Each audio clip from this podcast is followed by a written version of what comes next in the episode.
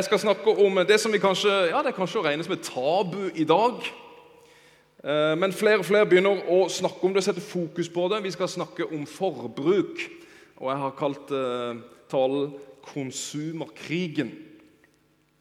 Eh, vi er på vei inn i advent, som Jan Egil har allerede sunget og fortalt. Og, og Mediene i avisene de skriver om nettopp dette, hvor grenseløs julehandel er. Og eh, som de fleste andre år så skal vi også i år øke forbruket. Det sier i hvert fall prognosene. eh, At vi skal bruke eh, Hver enkelt av oss skal bruke over 11 000 kroner på julegaver i, og mat i desember. Hver og en av oss 11 000 kroner. Og så forventer de da til sammen i november og desember at vi alle skal handle for ca. 100 milliarder kroner. Det er store tall. Eh, vanvittig store tall. Og det er faktisk ca. 1% vekst fra fjoråret. Og jeg, jeg må innrømme at jeg blir, eh, jeg blir ofte litt sånn furten i førjulstida. Litt sånn småsur. Og det, må, det har ført til mange krangler med kona. jeg må si det. Um, fordi det her forbruksstresset og maset og presset jeg, jeg, liker det ikke. Og det er ikke det at kona mi elsker det, på ingen måte, men, men hun takler det bare mye bedre enn meg. Og um, Noe av det verste jeg vet, det er egentlig julehandel. Det er stappfulle kjøpesentre, lange køer, folk som svetter rundt etter julegaven. Hva, hva, skal vi kjøpe til de som allerede har alt? ikke sant? Det er sånn det er. Hva skal vi gi i år? Hvor mye skal vi gi? Hva ønsker du deg? Kan vi få ønskelister fra barna? Eh, og når vi endelig kommer til julekvelden og barna river opp disse gavene, så, som vi har svetta så mye for, så leker barna heller med papiret. Jeg vet ikke om du har opplevd det noen gang. Um, eller de jager inn i neste gave uten et, et takk engang. Det blir liksom altfor mye av det gode. Og så må du ikke misforstå meg, Jeg er veldig takknemlig for at vi har det så godt. Jeg har vokst opp i et fantastisk hjem og jeg er bortskjemt på alt, alt godt. Um, og Det å gi gaver til hverandre det er jo en flott ting og en god verdi. Så jeg skal ikke, jeg skal ikke ødelegge julestemninga di. Det, det, er ikke poenget mitt i dag. Og så er jo du sikkert mye klokere enn meg. Så du handler jo inn julegavene i juni, gjør du ikke det? Sånn at desember det er peiskos, og det er pepperkakebaking. Og det er ikke stresset sånn som Tybakken har det. Så du er sikkert mye klokere, enn meg, så bless you for det. Men forbrukspresset, konsumjaget Ja, det burde jo ikke være det som, som preger jula. Og når sånt skal sies, så preger det vel kanskje mer enn bare jula. Mer enn november og desember. Det preger oss kanskje hele året. Forbrukspresset, forbruksjaget, det er vevd inn i vårt samfunn. Og kanskje så godt innvevd at vi nesten ikke merker det, men det bare forsterkes i julehøytida. Forbruksjaget, eller konsumerismen, og det er noen som også vil kalle det, det preger oss alle. Det preger meg, det preger deg, det er helt sikkert. Og det lover hva er det det lover? Jo, det lover at vi skal bli lykkelige. Bare du får kjøpt den nye bilen den nye faceliften treffer meg veldig, vet du. Eh, og den, Det lover jo tilfredshet. sant? Eh, Godfølelsen hvis du bare får kjøpt den nye kåpa som du eh, har så lyst på. Den fòrer oss med behov. Vi bare må ha det. Må ha det, bare må ha det, som reklamen en gang sa. Og Derfor så ser vi alltid etter det som er nyere, det som er bedre, det som er større, det som er raskere, det som er flottere. Det, liksom, det driver oss. Å kjøpe det gir oss en form for lykke, det gir oss en form for verdi. Og Sosiologer og psykologer de har jo forska på dette her i årevis, og de sier jo at det utløser dopamin. Det er rus vi får når vi handler. Ja, Noen kaller oss for homokonsumens, altså Homo sapiens, men homo consumens. Forbrukermennesker er vi blitt. Og markedskreftene de svarer skamløst med å alltid peke på mangler vi har. Mangler vi har, eller de skaper behov som vi ikke har. Bernt Haugtvedt han er samfunnsviter, tror jeg i hvert fall, og eh, har skrevet i en artikkel at eh, vi er som rådyret foran billyktene på den nattesvarte landeveien, blendet av det materielle. Ser du det for deg? Ja. Og Dette er som en sånn ond sirkel det, blir så vanskelig, det er vanskelig å stoppe, det er vanskelig å hoppe av denne karusellen. For jo mer vi får, jo mer trenger vi. Jo mer vi bruker, ja vel, jo mer må vi bruke. Jeg vet ikke om du kjenner deg igjen. Det er kanskje bare oss Tybakken, men det er sånn Vi kjøper oss et nytt stuebord. ikke sant? Ah, Fantastisk. Inn i stua, og der står det ah, Det passer jo ikke helt med parketten. Nei, søren heller. Nei, Så vi løper på Skeida og så kjøper vi et uh, nytt, flott teppe som får liksom overgangen til å bli bra. Men den gamle støvsugeren den klarer ikke rengjøre det flotte, dyre teppet, så jeg må kjøpe en ny støvsuger. Og Den nye støvsugeren den er jo på 2500 watt, eller vet ikke, 3500 watt. Så da ryker jo sikringa i stua Sant? hver gang jeg skal støvsuge det teppet. Åh, så da må jeg kjøpe, ja, da, så da må jeg ringe til elektrikeren. Så må jeg få inn en ny uh, kurs inn i stua der. Og så er det jo litt sånn, Når elektrikeren først er inne, og håndverkere er der inne, så åh, vi skulle jo gjerne gjort noe med den veggen der. Så nei, når vi først har ringer en håndverker, så kan vi ringe en til. Så vi pusser opp den veggen og det hjørnet i stua der, sånn som vi egentlig alltid har hatt lyst til. Men søren heller, nå er stua blitt så veldig fin. Kjøkkenet ser jo så gammelt ut i forhold. Skal vi ikke ta kjøkkenet òg? Jo, vi tar kjøkkenet også.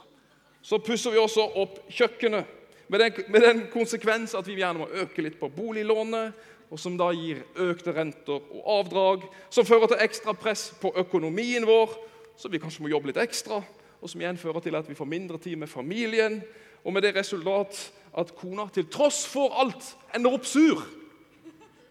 Og alt begynte med det der elendige stuebordet. Skjønner du? Skjønner du? Samfunnsforskere har snakka også om dette, øh, og de har kalt det faktisk en, en epidemi. Øh, og Den epidemien den kaller de for alfluensa. Har du hørt om det?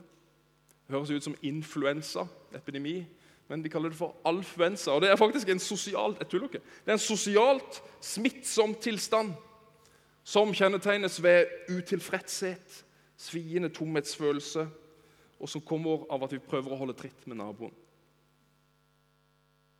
Alfluensa.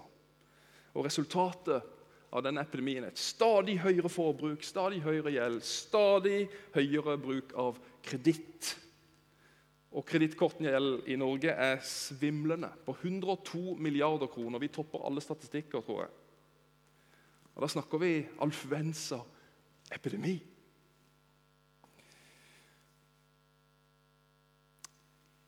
Ja. Og kostnaden kostnaden ved alt dette her, det er jo mye mer enn penger. Det er mye mer enn penger. For alt vi kjøper og eier, kan fort eie oss.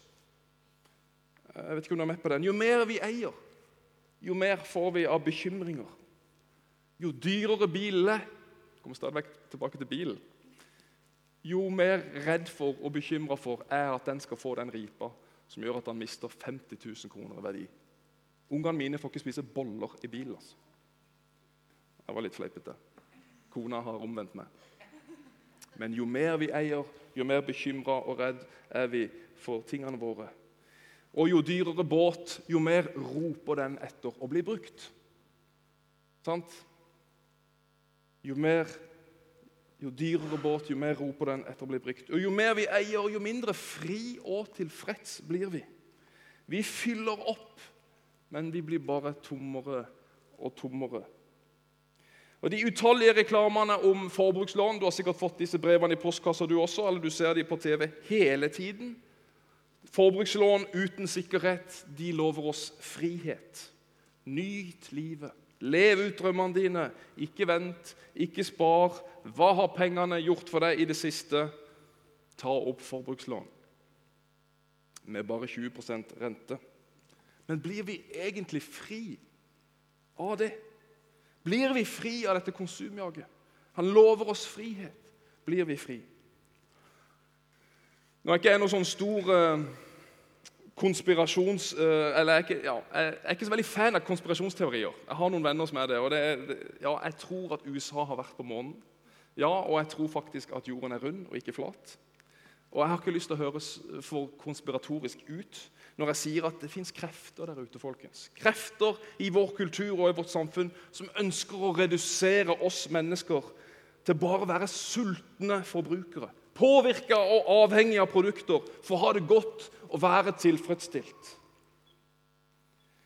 Men i lys av Bibelen så ser vi hvilket bedrag dette her er, og hvilken løgn det er. Ja, for å si det sterkt, det er en ånd som driver oss vekk fra livet Gud gir oss, og som Jesus gir oss. Og Det er viktig at vi som etterfølgere av Jesus faktisk er klar over dette. Og Jeg skal lese en lignelse som mange av dere har hørt tusen ganger før. Såmannslignelsen. Det handler om denne såmannen Jesus forteller om en såmann som kaster en del frø. Og kaster dette over et jordstykke. Og Noen av disse frøene de faller ved veien, men de, der eh, kommer fuglene og tar det med en gang. Det når ikke ned til jorda i det hele tatt, så da blir det fuglemat istedenfor. Noen av frøene lander på steingrunn, men der er det for lite jord, og de slår ingen rot, og sola svir dette av, så såkornet dør. Og noe faller blant tornebusker, sier Jesus, og blir kvelt av dette ugresset, så det når ikke fram til å gi noe frukt. Og så er det noe som faller i god jord, og som gir god frukt. Og Så forklarer Jesus denne lignelsen på, på denne måten. Såmannen sår ordet. De ved veien er slike som ordet blir sådd i, men når de har hørt det, kommer straks Satan og tar bort ordet som ble sådd i dem. På samme måte er det med dem som blir sådd på steingrunn. Det er de som straks tar imot ordet med glede når de hører det. Men de har ingen rot og holder ut bare en tid. Når de møter trengsel eller forfølgelse for ordets skyld, faller de straks fra. Andre igjen er de som blir sådd blant tornebusker. De hører ordet, men dette livs bekymringer, rikdommens bedrag og lysten på alle andre ting kveler ordet, så de ikke bærer frukt. Men de som blir sådd i den gode jord, er de som hører ordet, tar imot det og bærer frukt. Noen 30 fold, noen 60 fold og noen 100 fold. Og Da ber jeg en bønn. Jesus, må du hjelpe oss til å se og forstå ditt ord. Og hjelpe oss å være dine etterfølgere i dette samfunnet. I Jesu navn. Amen. Det er sånn at Når vi og når du gir ditt liv til Jesus, så sås det et frø i oss. Og Dette er Guds levende ord. Det er Guds kraft. Jeg liker å si det er Guds rike livet. Dette spirer som et frø framme i oss. Og I dette frøet så er det et helt nytt liv. Ja, Bibelen sier at vi faktisk blir født på ny. Og vi blir et Guds barn, og vi bærer vår fars DNA i oss.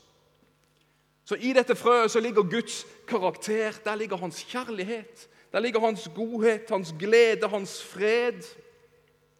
Alt du noen gang kommer til å lengte etter og savne i livet ditt, det fins i dette frøet. Og Det er derfor en kristen i utgangspunktet aldri trenger å reise noen steder, aldri trenger å gjøre noe, aldri trenger å kjøpe noe, aldri trenger å oppnå noe for å bli tilfredsstilt, for å være glad, for å være lykkelig, eller for den saks skyld å få det godt med Gud. Fordi det er allerede gitt oss i dette frøet. Så Derfor så trenger ikke kristenlivet Det å være en kristen trenger ikke være så konsumorientert som vi ofte er. Jeg må ha, jeg trenger, jeg er tom. Fyll meg, fyll meg. Nei, fordi å leve med Jesus handler om å bli det du allerede har blitt gitt.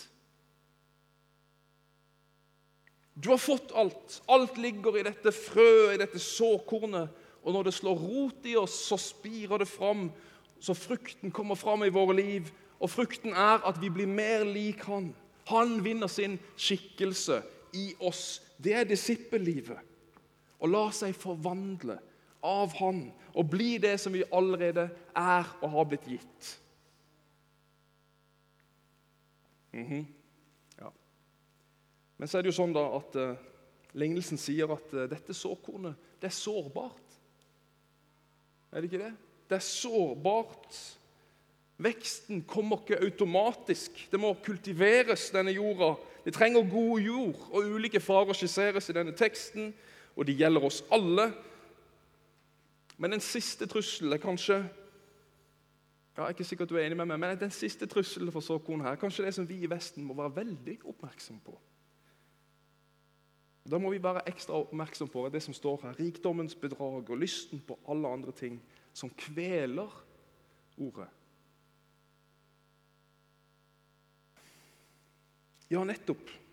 Forbruksjagets løgn og bedrag om at alt det vi eier, alt det vi kan kjøpe, det er det som gir livet verdi. Det er jo en løgn. Ja. Alfluensaen. Jaget for å fylle opp denne tomhetsfølelsen. jage etter tilfredsstillelsen i alle produktene vi kan kjøpe. Det er som tornebusker, det er som ugress, det er som dårlig jord. Og det kveler det livet Jesus har gitt oss, sånn at ikke vi bærer frukt. John Stott, store teologen, sa og jeg har sagt det før her i menigheten, materialismen binder våre hjerter til jorden. Da skal vi heller si den dårlige jorden. Kanskje er dette noe av svaret på. Jeg spekulerer. Jeg tror det er noe rett i det. Kanskje er dette noe av svaret på hvorfor vi erfarer så lite forandring og forvandling når vi har tatt imot Jesus.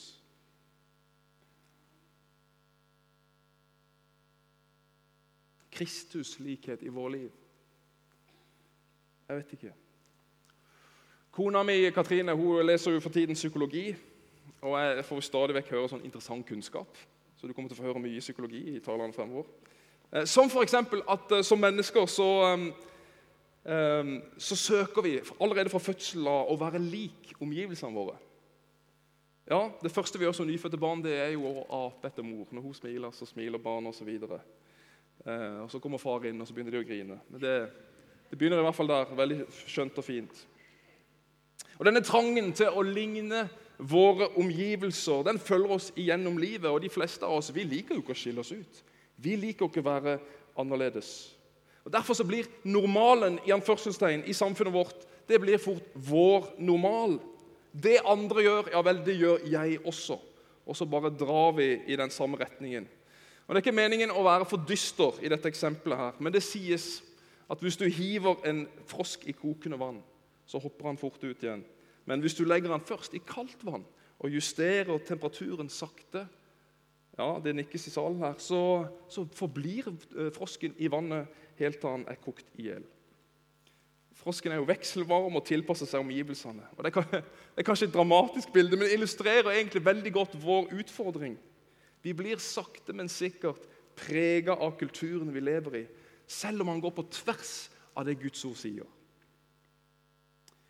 Så tenker du på tvers av det Guds ord sier, og, da, og det, er klart det, det, kan bli en fryktelig lang bibeltime eh, for å understreke det poenget, men jeg skal ta, jeg skal ta noen ting. Og Nå håpet jeg det kom én etter én her, men den funksjonen forsvant. Ja vel, I Guds rike og forbruksjaget, konsumerismen, samfunnet vi lever i. ok, det, det går mot hverandre. Jeg skal prøve å beskrive noe av det uten å bruke en lang bibeltime på det. Jeg skal bare gå kjapt gjennom det for å illustrere poenget. At i Guds rike så har jeg min sikkerhet. Jeg har min trygghet. Den er i Gud. Han er den jeg stoler på, ikke i de materielle tingene. Det er ikke det jeg trenger først og fremst. Det er det Jeg finner min trygghet i Gud. Ja vel, Han har gitt meg alt jeg trenger, og er holdningen som Jesus snakker om. Gud har gitt meg alt. Gud, alt ligger i dette frøet, som jeg prøver å si, mens i samfunnet vårt er det en tomhetsfølelse. Man lengter etter mer for å få fylt opp. Det er det som gjerne preger samfunnet vi lever i. Ja vel, I Guds rike så sier Jesus søk først Guds rike, så skal du få alt det andre i tillegg. Ikke tenk på det. Søk først Guds rike, søk først meg osv. Mens i samfunnet søk økonomisk trygghet. Det er det viktigste. Sier ikke det er viktig, men det er det samfunnet sier er det viktigste. Ingenting er mitt, er holdningen i Guds rike. Alt er hans.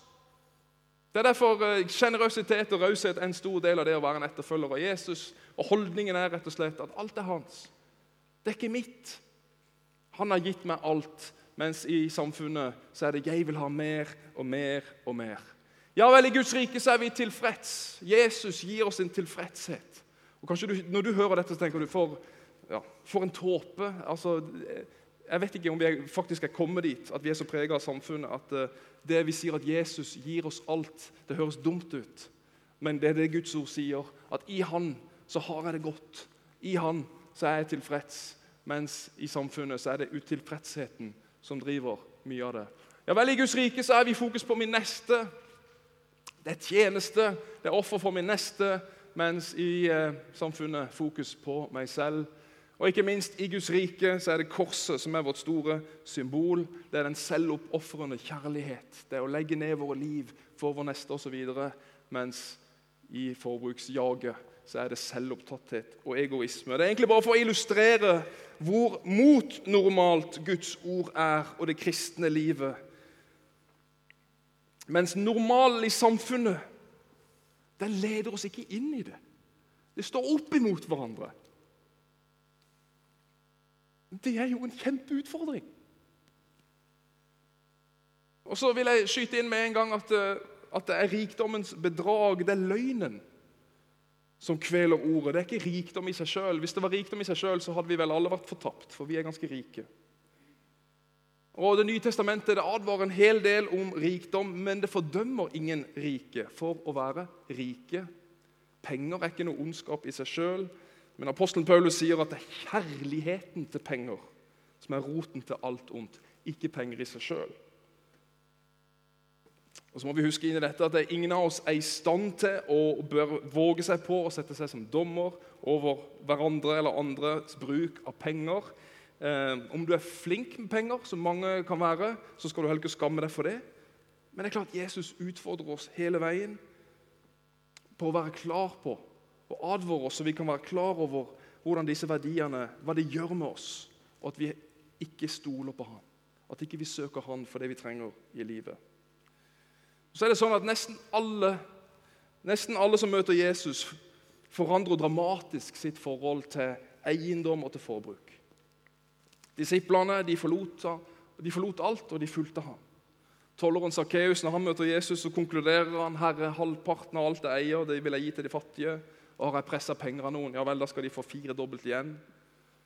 Men den rike unge mannen han gikk bedrøva bort fra Jesus, for han ville ikke gi det han eide, til de fattige. Og Jesus sier melankolsk det er lettere for en kamel å gå gjennom et nåløye enn det er for en rik mann å komme inn i Guds rike. Og Jesus konkluderer disse utsagnene sine med at slik er det altså. Ingen av dere kan være min disippel uten at han gir avkall på alt han eier. Yes, Vi er utfordra til 1000. Og Dette Gudsriket, som altså da skildrer et slags bakvendtland, eller opp-ned-rike, som jeg pleier å si, det snur ned våre, opp ned på våre samfunnsforhold. Og Du tenker kanskje ja, men jeg er ikke rik. Uh, han og han er jo mye rikere enn meg. Ja vel, men uh, hvis vi ser dette i en global sammenheng, så er vi enormt rike. Jeg vet ikke om det er 3-5 av verdens rikeste er jo oss, faktisk. Um, og um, det er nærmere det 100, nesten 1 milliard mennesker som må leve for to dollar om dagen. Og vi forbruker likevel mye mer enn alle andre. Og uh, Du har hørt det før, men skulle vårt forbruk uh, vært jevnt over i snitt i hele verden, så hadde vi trengt 3,5 jordklode. eller noe sånt. Og så er det jo faktatalt at Vårt samlede forbruk truer natur, det truer miljø på stadig flere områder. Og grådigheten vår den gror ut av et system som stadig vekk krever mer og mer økonomisk vekst, profitt, lønnsøkning osv. Det tar helt av. Og Det er jo veldig oppe i dagen. Jesus brydde seg ikke om å angripe andre religioner. Bare én mammon. Kjærligheten til penger, der pengene styrer. Det advarte han mot. Og Jeg håper at du hører alvoret i dette her. Vi må våkne. Jeg må våkne. For det er kulturen vi lever i, samfunnet vi lever i, det skal, det skal nærmest ha oss inn i et sånn eh, Jeg vil kalle det et feriemodus. Ja vel, Når vi er på ferie, da koser vi oss. vet du. Da er vi rause med oss sjøl. Da søker vi bare komfort og, og hygge. Vi, og, um, ja, vi gjør alt vi kan for å ha det best mulig. Og Livet på ferie er jo herlig. Du er sikkert med på det. Og jeg unner alle en fantastisk god ferie iblant. Men Bibelen gir oss et stikk motsatt perspektiv. For livet er ikke en ferie. Livet er en kamp. Vi er midt i en krig. Og Bibelen sier at våre fiender er ikke mot kjøtt og blod, men, eh, det sier i hvert fall Efeserbrevet, men mot makter og myndigheter og ondskapens ånde her i himmelrommet. Slapp av, Jeg skal ikke demonisere noen, men, så ikke få panikk. Men dette krigføringsperspektivet i Det nye testamentet det har Kirka forkynt i 2000 år. Men i vår velstand så får det kanskje ikke så mye rom. Jeg har aldri opplevd krig, eh, og kanskje noen få her har gjort det. Men jeg hadde en morfar som stadig vekk snakka om krigen. Han elska å fortelle om hva som skjedde der. Og Det som er helt sikkert, det er at eh, de som levde under krigen, de måtte rasjonere og prioritere sine ressurser på en helt annen måte enn de måtte når de reiste til Thailand på ferie. Ja, og mentaliteten er helt annerledes under krig enn det er på ferie. De måtte rasjonere, de måtte sette andre, andres behov, sine egne behov tilbake for andres behov, som kanskje trengte mer. Du har kanskje sett filmen fra andre verdenskrig, eh, 'Flukten'. Det var Den første filmen het 'Flukten', tror jeg, om Jan Baalsrud. Og den siste versjonen som kom nå, den tolvte mann, nyere versjonen, kom her for noen år siden. Um, og om den filmen var tro til historien eller ikke Jeg så han på kino, og det som virkelig grep meg, det var ja, En ting var Jan Baalsrud og alt han gikk gjennom på denne flukten fra tyskerne, men det var mentaliteten til det norske folk som virkelig grep meg. Hvordan de ofra alltid satt sine egne liv på spill for å redde nasjonen. Stoltheten i nasjonen. Det var alt selvfølgelig stoltheten også for Jan Baalsrud, for at han skulle leve. For en hengivenhet, for en raushet, for en offervilje. Jeg vet ikke om du har sett filmen, men en av de, de eh, scenene som rørte mest på meg, det var når det var 17. mai. Og 17. mai det var en stor dag, selvfølgelig under krigen. Og Da ofrer de sine liv for å lage dette kakestykket, som da blir smugla opp i skogen der Jan Baalsrud ligger i en hule. Altså, det var, det var, Du måtte virkelig, det, Alt skulle være skjult. Disse eggene til kremen og eh, barna tegna eh, med noe fargestift av det norske flagget og som de stakk i kaka. Og de smugla dette her opp til Jan Baalsrud. For en offervilje, for en innsats! Jeg ble så rørt. Jeg gråt en skvett i kinomørket for meg sjøl der. Fordi det illustrerer så hvordan, egentlig, hvordan Guds karakter er, hvordan Jesus er, og hvordan han kaller oss til å leve. Ja, krigen var en tragedie, skulle gjerne vært foruten. Men den åpna i hvert fall øynene til menneskene som levde på den tida, for hva som var godt, og hva som var ondt. Og det virker som at det samla folket for det felles oppdraget. Og Det er ikke meninga å dra dette bildet for langt, men åndelig talt åndelig talt så er verden vi lever i, okkupert. Ikke av tyskere, nei, men av åndsmakter. Av åndsmakter som gjør alt de kan for at Guds rikes vekst i meg og i dette samfunnet skal holdes tilbake. Det er en kamp. Paulus skriver i Efeserne 6 videre ta derfor Guds fulle rustning på så dere kan gjøre motstand, sier han. Men hva skal vi med, med rustning hvis vi er på ferie? Hvem trenger rustning på ferie?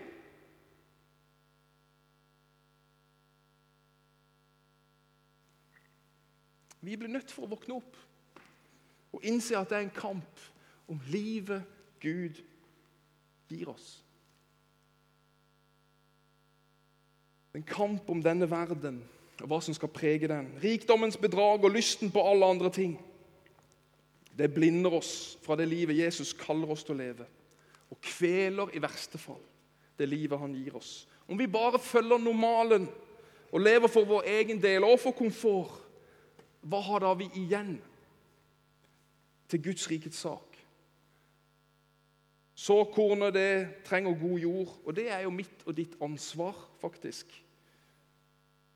Kanskje vi heller skulle ha rasjonert ressursene våre, så kampen kunne vinnes. Guds rike er mot normalt. I den grad vi ser det og faktisk gjør noe med det, så vokser dette såkornet i oss. Vi lever jo for Han, gjør vi ikke det? Kjære menighet, vi lever for Han. Vi lever og kjemper for at Hans rike skal gå fram og innta denne jorden. Så mennesker kan forstå hva det gode livet er. Og det handler også om vårt forbruk. Det er en kamp, det er ingen ferie. Ja, men ferien kommer. Yes, han gjør det. Hviledagen kommer, det snakker Bibelen om. En dag så kommer hviledagen, men det er ikke enda.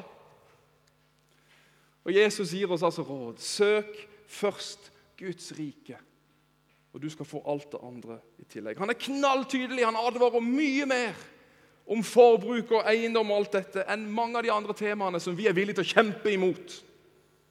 Merkelig nok så er dette med forbruk det tier vi om. Vi er så rike. Vi har det så godt. Vi bruker mer, vi bruker mer enn det dobbelte av bistandsbudsjettet vårt i jula.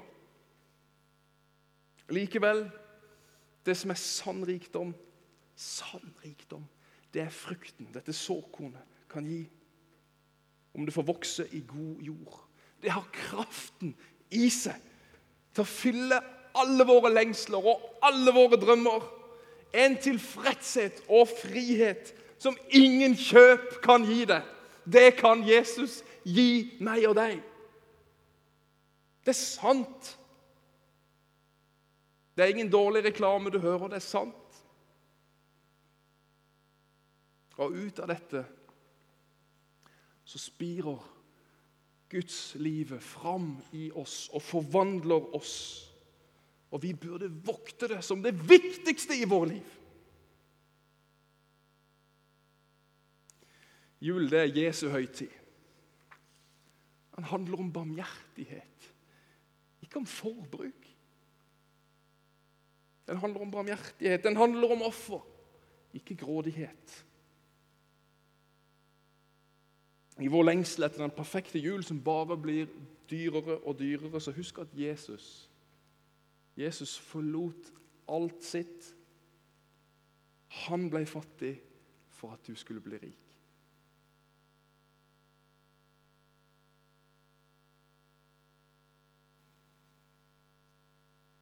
Jeg vet ikke om det er bare de unge som, eh, som gikk med sånn 'What would Jesus do?'-bånd. Jeg vet ikke om du husker de? What would Jesus do? Ja. Jeg vet ikke om det fins, men jeg skulle gjerne hatt What would Jesus buy? Amen.